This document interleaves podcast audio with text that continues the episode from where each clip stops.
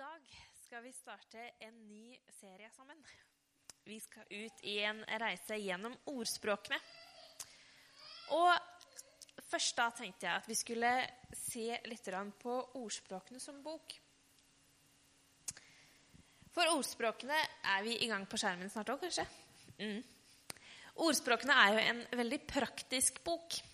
Det er nesten som en sånn How to live a good life-bok. Jeg vet ikke om dere har sett det, men det fins jo fryktelig mange sånne herre Hvordan kunne matte? Hvordan lære å strikke? Hvordan lære deg yoga? Hvordan få sånn og sånn? Og alle lover liksom å ha de beste triksa for at du skal klare å vri om på alt innen veldig kort tid. Jeg vet ikke helt om jeg har tro på alt det. Jeg tror ikke at jeg hadde blitt noe bedre i yoga selv om jeg hadde lest en bok. Men hvem vet? Jeg har ikke lest den. Men allikevel så er da ordspråkene er nesten som en sånn type bok. Fordi den er en bok som virkelig kommer med gode visdomsord og råd og praktisk informasjon til oss for hele livet. Den gir oss råd om eh, hvordan vi kan få lov til å leve på en god måte. Men samtidig så er det også en bok som kanskje lett kan misforstås. Siden nettopp at den er full av visdomsord kan den jo litt oppleves nesten som en sånn slags oppramsing av moralske tips. Og litt sånn at man kan oppleve at den er litt ute med pekefingeren nesten. At det gjør sånn og sånn og sånn og sånn, og gjør sånn og sånn og sånn, så blir det bra. Men det er ikke sånn den er ment i det hele tatt. Men allikevel, når vi leser den, og nå skal vi gå inn i en ganske ikke lang periode, men ganske mange søndager vi skal få lov til å være inne i ordspråkene, og med ordspråkene så er det viktig at vi har i bakhodet at det er, gjerne, det er kanskje flere grøfter man kan havne i, men det er spesielt to grøfter. Man kan være ille ute hvis man havner i en av de to grøftene. Og den ene grøfta det handler om at det kan være en tendens i å havne der hvor man tar at visdomsordet at man tar dem for å være absolutter. At man tar det helt bokstavelig at det er sånn det må være for at ting skal være. Og du tar det ut av kontekst. At man leser det dit hen at eh, man ser ikke på hvordan det er skrevet rundt. For det er noen av de visdomsorda som er ment mest for spesifikke situasjoner. Og jeg skal komme med et eksempel snart. For det andre grøfta som man kan komme litt i, det er at nettopp at man tar den veldig moraliserende. At man nesten sitter igjen med en følelse av at åh, dette her blir litt av noe å følge opp. Nettopp fordi den peker på så veldig mange sider av livet. Den peker på så store deler av det som vi lever i, at hvis vi leser den og tenker at alt det her skal jeg følge, så kan det virke veldig moraliserende og nesten sånn trekkende over på hodet. Så det er gjerne to grøfter som man kan havne i.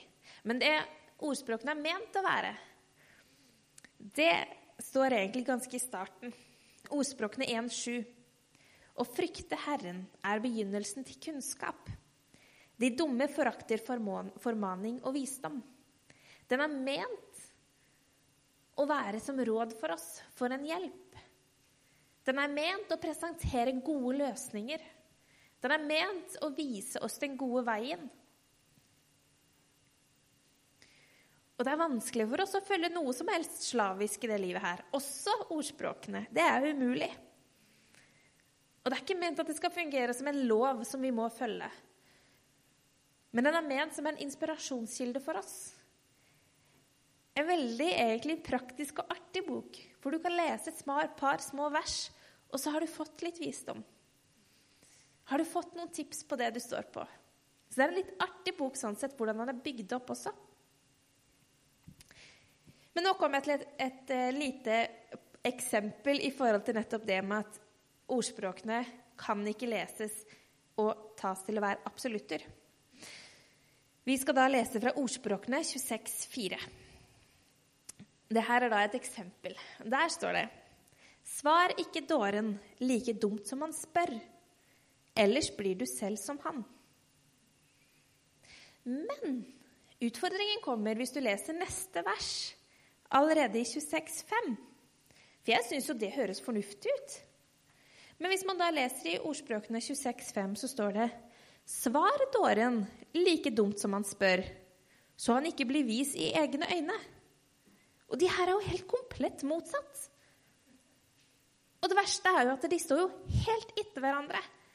De er jo ikke tatt fra forskjellige kapitler eller noe som helst. Men poenget med dem er jo nettopp det at eh, du kommer til å snakke med dumme mennesker i ditt liv, men du kan ikke behandle dem likt. Noen må du svare på samme måte som de spør. Mens andre skal du ikke svare på den måten. Og det er nettopp sånn ordspråkene er litt ment, at vi kan ikke ta én setning og si at sånn skal vi leve i alle situasjoner, uansett hva jeg møter på. Vi må, som med alt annet vi også kan få lov til å lese i Bibelen, så må vi sette det inn i en situasjon. Men nå kommer vi til dagens tema. Så Der har dere litt om ordspråkene. Men jeg oppfordrer, nå skal vi gå inn i en serie igjen. Og det er litt spennende med serier. Så les litt i ordspråkene. Bruk litt tid på ordspråkene i kommende periode. Bruk litt tid til å på en måte finne igjen den gamle skatten hvis ikke du har lest den på en stund, eller bli kjent med en ny bok hvis ikke du er så kjent der.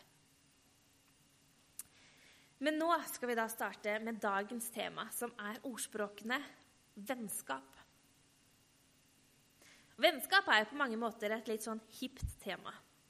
Det er veldig mange serier der ute som handler om vennskap. Det er veldig mange filmer som er basert på en eller annen slags type vennskap. Og du har jo en egen serie som heter Friends, som var fra 94 og virkelig satte i fart i forhold til sånne serier hvor det er forskjellige vennegjenger som man følger da, ikke sant? i forhold til hvordan vennskapet utvikler seg og går frem og tilbake og hit og dit. Så vennskap er på mange måter litt sånn inn. Men det har det på en måte alltid vært, fordi det er en av de relasjonene vi har. Det er en veldig viktig relasjon for oss.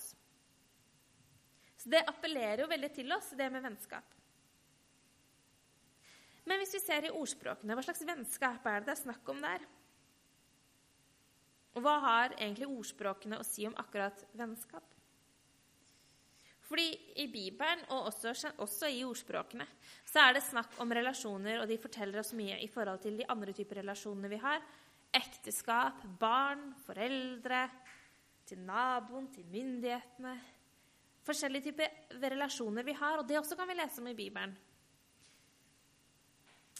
Men når jeg skal snakke om vennskap ut ifra ordspråkene i dag, så snakker jeg om vennskap. Ikke som i bekjentskap, eller noen du har som kollegaer, eller sånn litt flytende. Jeg snakker heller ikke om en venn som trenger en venn. Men jeg snakker om genuint vennskap som er litt nært og godt i hjertet. Som man har valgt hverandre som venner. Den type vennskap skal jeg snakke om i dag. For jeg er fullstendig klar over at noen ganger så trenger noen oss mer enn vi trenger dem som en venn. Noen ganger trenger en bekjent at vi viser dem mer kjærlighet enn det de klarer egentlig å forstå. Noen ganger så er ikke et, en relasjon helt et gjensidig vennskap. Men i dag så skal jeg få lov til å snakke om det type vennskapet som man har valgt fra begge parter, hvor man begge to er gjensidig interessert i vennskapet. Og da har jeg ut ifra ordspråkene kommet fram til noen punkter som jeg har kategorisert de her versene i. Det første punktet og den første kategorien er ærlighet. Fordi å være ærlig er et vennskap. Det er nesten en forutsetning for at vennskapet skal eksistere. Og at det skal være ekte. Én ting er når du går inn i vennskapet, så må det være ærlighet. Og så må man være ærlig underveis. Og i ordspråkene 1420 så står det Selv av sin neste blir den fattige hatet. Mange er de som elsker den rike. Og nå tenker du, hva har det med ærlighet å gjøre? Her er det jo snakk om at man igrer etter de som kanskje har mer enn seg sjøl. Det jeg tenker på der, er nettopp det med at hvorfor man går inn i et, i et ekteskap, inn i et vennskap. Jeg har lyst til å speile det her litt i en fortelling som Jesus fortalte. Vi er i ordspråkene, men allikevel er jo det en del av helheten. Så jeg skal vise litt nå til Lukas 16. Jeg har lært fordi jeg har visst Noen ganger når jeg lager powerpoint, så har jeg så små bokstaver, har jeg fått beskjed om. Så i dag, de lengste eh, bibeltekstene har jeg ikke tatt opp dit. så jeg skal lese for dere. Det her er da Lukas 16, 1-13. Det er da om forvalteren som prøvde å kjøpe seg venner. Jesus sa til disiplene det var en rik mann som hadde, for, som hadde en forvalter. Av andre fikk han vite at denne forvalteren sløste bort formuen hans. Da kalte han forvalteren til seg og sa, 'Hva er det jeg hører om deg?' 'Legg fram regnskapet over driften.' 'For du kan ikke lenger være forvalter hos meg.' Men forvalteren sa til seg selv, 'Hva skal jeg gjøre når herren min tar stillingen fra meg?' Å grave har jeg ikke krefter til. Å tigge, det skammer jeg meg over. Jo, nå vet jeg hva jeg skal gjøre for at folk skal ta imot meg i hjemmene sine når jeg blir avsatt. Han kalte til seg dem som hadde gjeld hos herren hans, én etter én, og sa til den første.: Hvor mye skylder du herren min? Hundre fat, svarte han. Her har du gjeldsbrevet ditt, sa, han, sa forvalteren. Sett deg ned med meg med en gang og skriv 50. Så spurte han neste. Og du, hvor mye skylder du? 100 tønner hvete, svarte han. Her er gjeldsbrevet ditt, sa forvalteren. Skriv 80. Herren ga den uhederlige forvalteren lovord fordi han hadde handlet klokt. For denne verdens barn ordner seg klokere med hverandre enn lysets barn gjør. Jeg sier dere, skaff dere venner ved hjelp av den uhederlige mammon, så de kan ta imot dere i evig bolig når pengene tar slutt. Den som er tro i smått, er også tro i stort. Og den som er uherderlig i smått, er også uherdelig i stort. Om dere ikke har vært tro når det gjelder den uherdelige mammon, hvem vil da betro dere de virkelige verdiene? Nå er ikke jeg ofte i en sånn situasjon. Men her er det jo da nettopp sånn at han tenker hvordan skal jeg da få innpass? Hvordan skal da folk like meg etter jeg ikke har den stillingen jeg har lenger? Og den kan man egentlig på en litt annen måte kjenne seg litt igjen i. Jeg husker dessverre at når jeg gikk på videregående, så var det jo noen man visste kom fra veldig velstående hjem, hvis man kan si det sånn. De som hadde store søyler og veldig store hager, og som bare bygde en ny garasje når man fikk en ny bil. De var i en litt annen situasjon enn oss. Jeg tenkte alltid, spesielt Det var ei som gikk i klassa under meg. Hun bodde i et så fantastisk hus. Jeg har aldri sett noe sånt utenom på TV. tenkte jeg, eh, det hadde nå vært litt stas å vært inne og sett. Bare for å ha sett det. Men hun var ett år yngre, så det var liksom litt uaktuelt, uaktuelt, uansett. Men så var det ei som var på samme trinn som meg, som plutselig sklei litt inn i vår gjeng. Og hun var den som hadde fått den freshe bilen når hun ble 18. Det fikk ikke vi andre, men vi klarte å fikse oss. Vi hadde bil stort sett allikevel. Eh, men jeg tenkte tanken at bare hm, Jeg er litt sånn nysgjerrig. Litt sånn nysgjerrig kun fordi jeg visste hva slags bakgrunn hun kom fra. Men så skulle vi da en kveld så skulle vi da bake hjemme hos henne. Hele gjengen. Fordi vi pudla litt. da, ikke sant? Ordna og styra. Og så skulle vi bake hjemme hos henne. Um, og vi kom, og jeg var nå spent for å se. Og vi skulle være sammen. Og vi baka. Og etter vi hadde bakt, og etter at vi hadde spist opp kaka, så sa hun ja, jeg har regna litt på det. Det ble 66 kroner hver. Det hadde jeg aldri vært borti. For når vi var med folk hjem sånn etter skolen, og sånn, så tok vi nå det vi hadde i kjøleskapet. Jeg ba jo ikke folk om å betale ved utgangsdøra. Nå har du drikket to glass melk. Da blir det akkurat 17 kroner, takk. Det var et helt nytt konsept. Og kanskje spesielt da fordi at jeg tenkte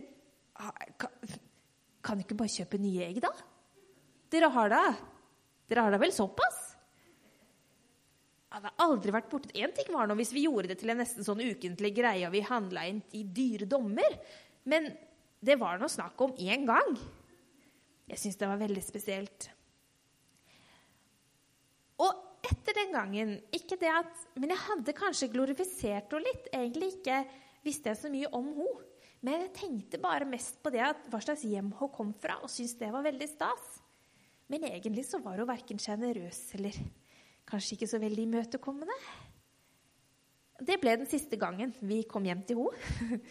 Eh, hun var hyggelig, og vi har jo litt kontakt, det er ikke det, men det var veldig, opplevdes veldig spesielt. Og så kan du jo spørre deg ja, er det sånn type tankegang blir man vel kvitt etter at man har vokst på seg noen år? Og så får man fininnstilt de her moralpassa sine litt og sånn. Så man blir kvitt alle sånne tanker. Men nei da. Jeg er hele 29, og det er ikke så mye. Men det aner meg av at vi har noe i oss av den type nysgjerrighet, vil jeg kalle det. Jeg vil ikke si at det er en synd. Det er ikke det at det er gærent, men allikevel så er det noe som skurrer litt. Jeg tror at det ligger i oss. I hvert fall så gjør det det hos meg, og det må jeg være ærlig på. For det er ikke mange år siden jeg ble invitert til to bryllup på samme dag. Og det har skjedd mange ganger, så du vet ikke hvem det er. Fordi jeg har vært i 19 bryllup så langt i mitt liv. Og det har vært flere ganger det har vært to på en dag. Og da var det store valget mellom de to.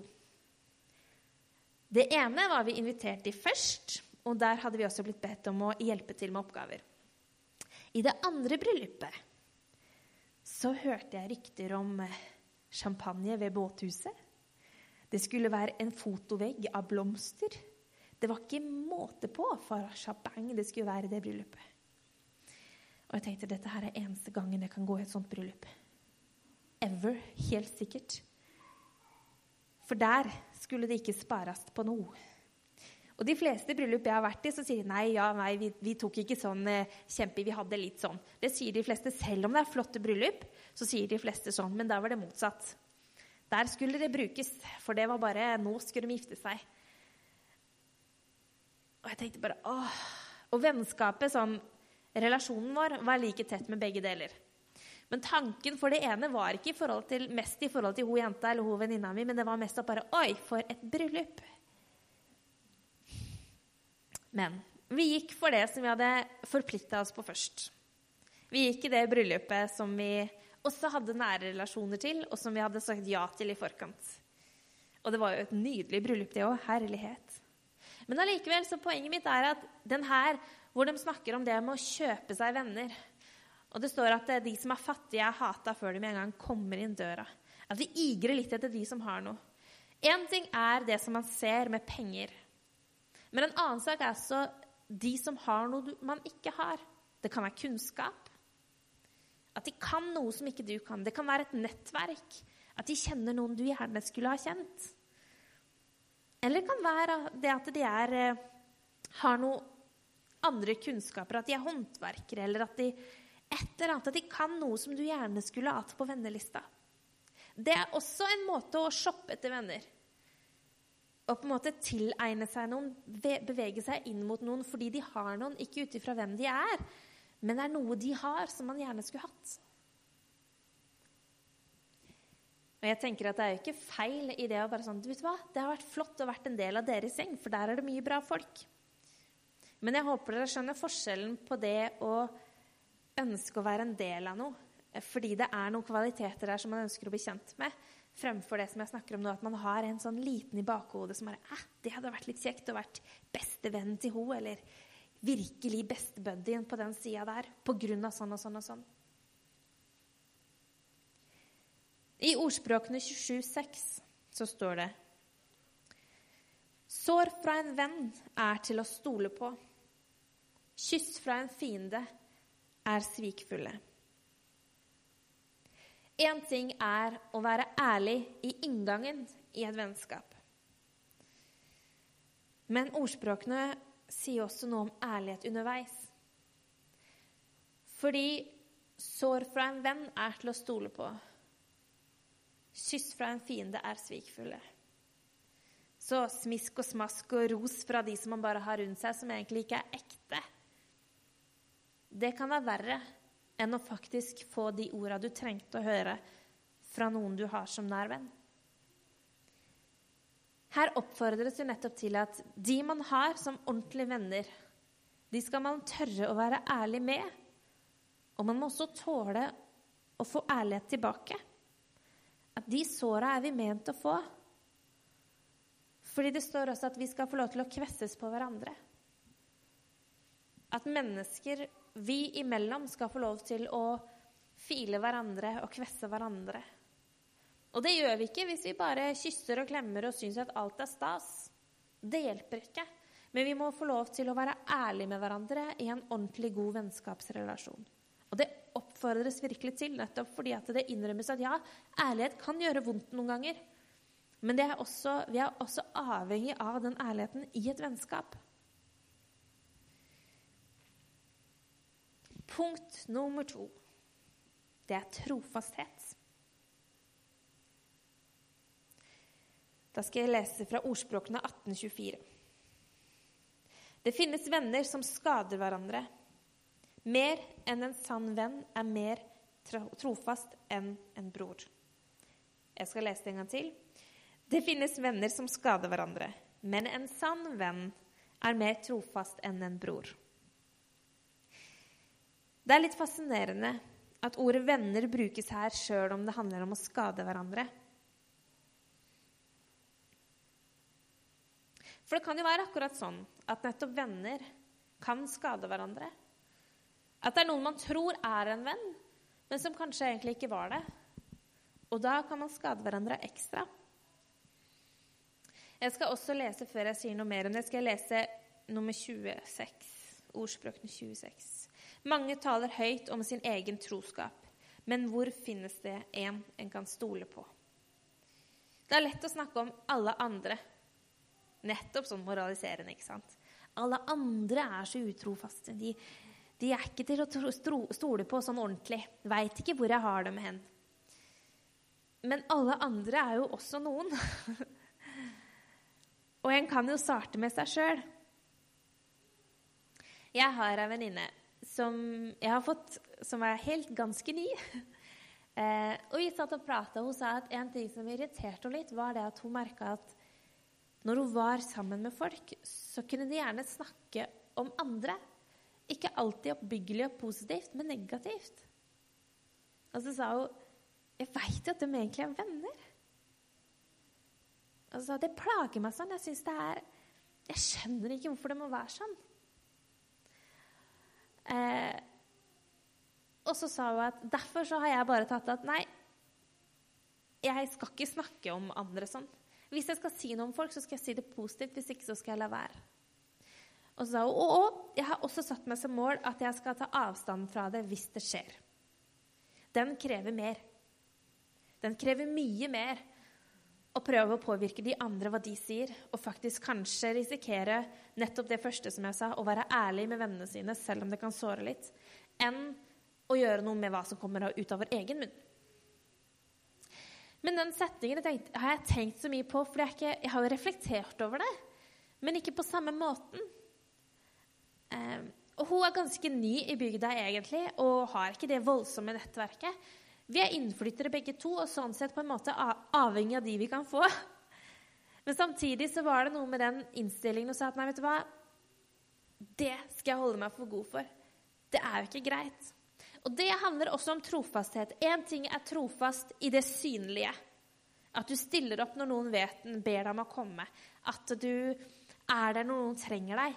Men det å være trofast når ikke det er synlig Det å være lojal Den er lettere å smyge seg unna. Smyge seg unna, og vil, da tenker jeg på at det er lett å henge seg med. Man kan bare prate litt chit-chat fordi det var noe der vi havna, liksom. Men er man da egentlig trofast til sin venn? I ordspråkene 27.10 står litt om trofasthet over tid. Det står Gi ikke slipp på din venn og på din fars venn. Gå ikke inn i din brors hud på din ulykkesdag. Bedre med en nær nabo enn en bror langt borte. Og Der er det litt det som jeg starta med på trofasthet. Det finnes venner som skader hverandre, men en sann venn er mer trofast enn en bror. En sann venn er mer trofast enn en bror, og bedre med en nær nabo enn en bror langt borte. Venner kan vi velge. Familie har vi fått. Og familie er kjempeflott. Jeg skal ikke sette ned familien, for vi skal ha litt om familie utover også. Og familie har en veldig sentral og viktig posisjon i livet vårt, uansett om vi har uansett hva slags familie vi er en del av. Men allikevel skal vi være klare at de vennene vi har, de har vi valgt, og de har valgt oss. På en helt annen måte enn den familien vi har fått. I en annen oversettelse så står det 'Gå ikke inn i, inn i din brors hus den dagen du er i nød'. Altså at Man skal ikke bare komme fordi man trenger noe. Man skal ikke dukke opp på din brors dør kun fordi at 'nå har jeg et behov'. Det er ikke den dagen du skal komme. Og for å bare bringe litt balanse i det Dere skjønner at selvfølgelig skal vi også kunne komme når vi har behov. Men det er ikke det som skal være den første triggeren for å komme til noen, for å be om noe. Det er ikke det som skal være utløserfaktoren. Så står det også det at det er en nær nabo er bedre enn en fjern bror. Og Det også er jo noe med det Egentlig så er det veldig praktisk og forståelig. fordi at hvem du ser nærmest hver dag, de som bor rundt deg, som er lokale, de blir jo lettere å ha nærme hjertet ditt. Hvis de er langt borte, så er det jo vanskeligere å ha den nærheten. Men de kan allikevel ha den betydningen i hjertet ditt som et vennskap å ha den plassen, selv om de ikke er din bror. Det leder meg litt til neste punkt, som er tre omsorg og kjærlighet. Ordspråkene 1717. En venn viser alltid kjærlighet. En bror er født til å hjelpe i nød. Og Der er det nettopp det aspektet at familie vi stiller opp ikke fordi vi må, men det ligger litt i oss. Vi er født til å gjøre det. Vi har den relasjonen hvor du uansett er der. Men det står også at en venn alltid viser kjærlighet. At det også er en naturlig del av vennskapet. At det bør ligge i vennskapets natur. En sann venn, sånn som Gud ønsker at en sann venn skal være, viser alltid kjærlighet. Og Der vil jeg utfylle litt fra filipperne, på akkurat det, fra Filipperne 2, 3-4. Gjør ikke noe av selvhevdelse og tom ærgjerrighet, men vær ydmyk, og sett de andre høyere enn deg selv. Tenk ikke bare på deres eget beste, men også på de andres beste den syns jeg på en måte fyller litt ut at den på en måte handler mye om det samme. Nettopp at vi en sann venn skal vise kjærlighet. Skal ikke bare sette seg sjøl høyest og 'hva er det jeg får ut av dette her', men sette de andre også høyt. Det siste punktet, det er punkt nummer fire, det er hengivenhet. Én ting er det med vennskap, som er sikkert uansett nesten hvordan du vender og vrir det, så, så må den bestå av i hvert fall to sider for at det skal være noe vennskap i det hele tatt. Og hvis man ikke har en ærlighet i det, da blir det sånn det som jeg starta med. Det må være et vennskap som er basert på en ærlig grunn. Hvis det kun er én side, så er det jo ikke noe ærlig grunn. Da går man inn i et vennskap egentlig på en falsk grunn. At man er ikke to parter som er interessert i det samme i det vennskapet. Og det har jeg vært borti. Jeg vet ikke med dere, og Det er ikke alltid at man vet at man er borti det før man står i det. At Enten så kan man være den som plutselig tenker på ja, men vet du hva? Nå har jeg invitert til middag og kaffe. Jeg tok med julegave i fjor når vi var der på julelunsj to uker før jul. Jeg har virkelig invitert, jeg har sendt julekort, og jeg sender melding og spør hvordan det går. Men de tar jo aldri kontakt. Det kan være en side. Og da kan man føle at at ikke begge partene er like hengitt inn i relasjonen. Eller så kan du brått befinne deg på andre sida uten at du helt mente det. At, ja, men, det kan være et bekjentskap som plutselig tar en ny vending. Det kan være et bekjentskap hvor den ene part virkelig bare legger inn at nå ønsker jeg at det her skal være noe mer. Plutselig er det du som får de her meldingene.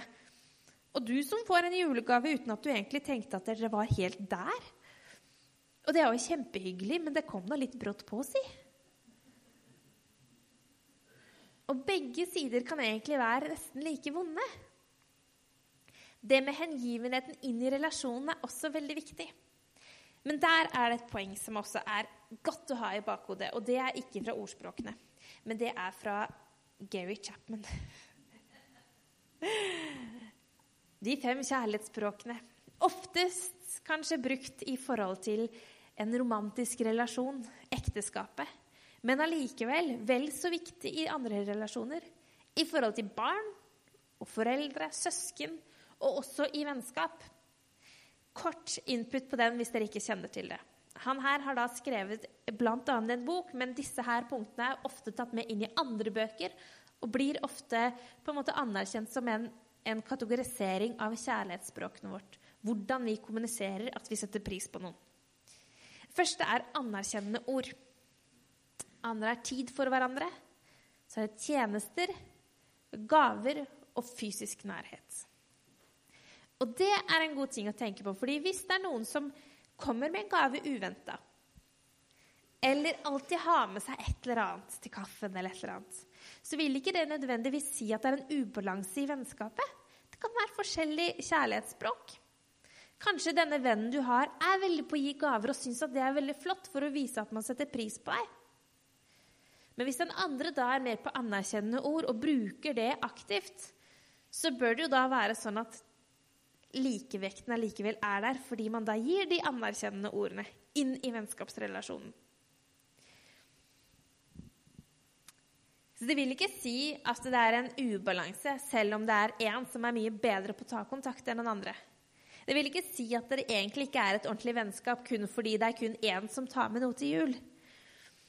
Men begge parter må allikevel være hengitt inn i relasjonen. Begge to må være hengitt med hele seg sjøl til at dette er et vennskap som jeg virkelig legger mye vekt i, og som jeg gir tid og energi inn i. Og Da skal jeg ta med et bibelvers som vi vet at vi kommer til å bruke det her i en annen preken også, innenfor ordspråkene. Men allikevel så syns jeg at det her også handler litt om vennskap. Ordspråkene 24. Den late vil ikke pløye om høsten. Han venter avling, men får ingen. Den kan brukes som mye mer enn kun arbeid i menighet, som man kanskje er brukt i, eller arbeid som i arbeid på jobben, om man er lat eller ikke. Den kan også brukes i forhold til relasjoner, mener jeg. Og det syns jeg at vi kan lese ut ifra de andre versene som også står i ordspråkene om vennskap. Den som ikke vil legge noe inn, kan heller ikke høste noe ut. Og det gjelder også i forhold til vennskap. Hvis man ikke legger noe inn, nei, da er det ikke noen del av det vennskapet. Da er det ikke to deler som er del av en felles relasjon. Og ja, det vil gå i sesonger. Noen perioder så er det den ene parten som drar, og den andre parten som ikke drar. Men allikevel så må man være hengitt inn i den. Og mange kan kanskje tenke at dette her er jo egentlig veldig basic kunnskap. Og ja, det er det. Og det tenker jeg at det er jo fordi at det kommer jo fra en Bibel som er inspirert av Gud. Jeg tror at vi har mye av det oss inni oss også som er fra Gud. Så vi har nok fått mye i forhold til instinkter og hva vi tror er rett og galt. Men allikevel så tror jeg at vi som voksne, vi som kristne, og vi som ønsker å leve et liv med Gud, også må minne oss noen ganger på de grunnleggende tingene. De tingene som egentlig er basic. Hva et vennskap egentlig er ment å være. For man skal ikke være et vennskap som ikke er godt, men kan være en relasjon som man kan kalle et bekjentskap eller andre ting. Men hvis man setter den merkelappen med vennskap på, så skal det inneholde noe av dette her. For det er det Gud ønsker at det skal være. Gud har skrevet og inspirert ordspråkene til oss som en visdomsbok. En bok vi kan få lov til å se til når vi skal se hva et vennskap skal være. Hva er det det skal inneholde? Det skal være en bok vi kan få lov til å lese i når vi lurer på ting. Og hvis vi har den relasjonen, så kan vi få lov til å se der, ideelt sett, hvordan den relasjonen kunne vært. Den vil nok aldri være perfekt. Det vil den ikke. For det, det er ikke Jesus, si. Men han viser oss et bilde av en god relasjon, et godt vennskap. Hvordan den skal være. Når Jesus var her, så hadde jo han mange rundt seg. Han hadde disiplene, som var kanskje de nærmeste han hadde. Og I Johannes så fortelles det at de får en ny rolle. I Johannes 15, 15 så står det Jeg kaller dere ikke lenger tjenere, for tjeneren vet ikke hva Herren hans gjør. Jeg kaller dere venner. For jeg har gjort kjent for dere alt jeg har hørt av min far. Jesus også hadde venner. Tror dere det var en helt balansert relasjon? Nei. Selv om de hadde prøvd, og de hadde levd tett på Jesus, så var det langt fra en balansert relasjon. Men allikevel så var det noe med hengivenheten. Det var noe med ønsket om å gi kjærlighet. Det var ønsket om å være trofast og ærlig. Og de ønskene var sterke fra begge sider. Perfekte fra den ene og veldig uperfekte fra den andre siden. Men allikevel så sier den perfekte sida vi to er venner. Du er ikke min tjener, du har min, den rollen som min venn. Og når vi nå har sett på hva Gud mener som venn, så tenker jeg at det var litt av en klassereise for de her disiplene. Å gå fra å være en tjener, men de nå er vennene til Jesus. Noe av høydepunktet vi kan få lov til å leve i, er at vi også blir kalt Jesu venner. Vi kan ha han som vår venn. Og når vi har sett nå hva det innebærer å få lov til å være en del av et vennskap med Gud, så er det litt av en gave. Vi har mange merkelapper på den relasjonen vi har til Gud. Vi er hans barn, men allikevel så er også da vennskap en av dem. Som allikevel er på en måte Vennskap er et sånt litt sånn hverdagslig ord. Ja, det er vennen min. Ja, har du noen nye venner? Hvem er Men allikevel så ligger det egentlig ganske mye godt i det ordet som vi kanskje ikke reflekterer i dybden på.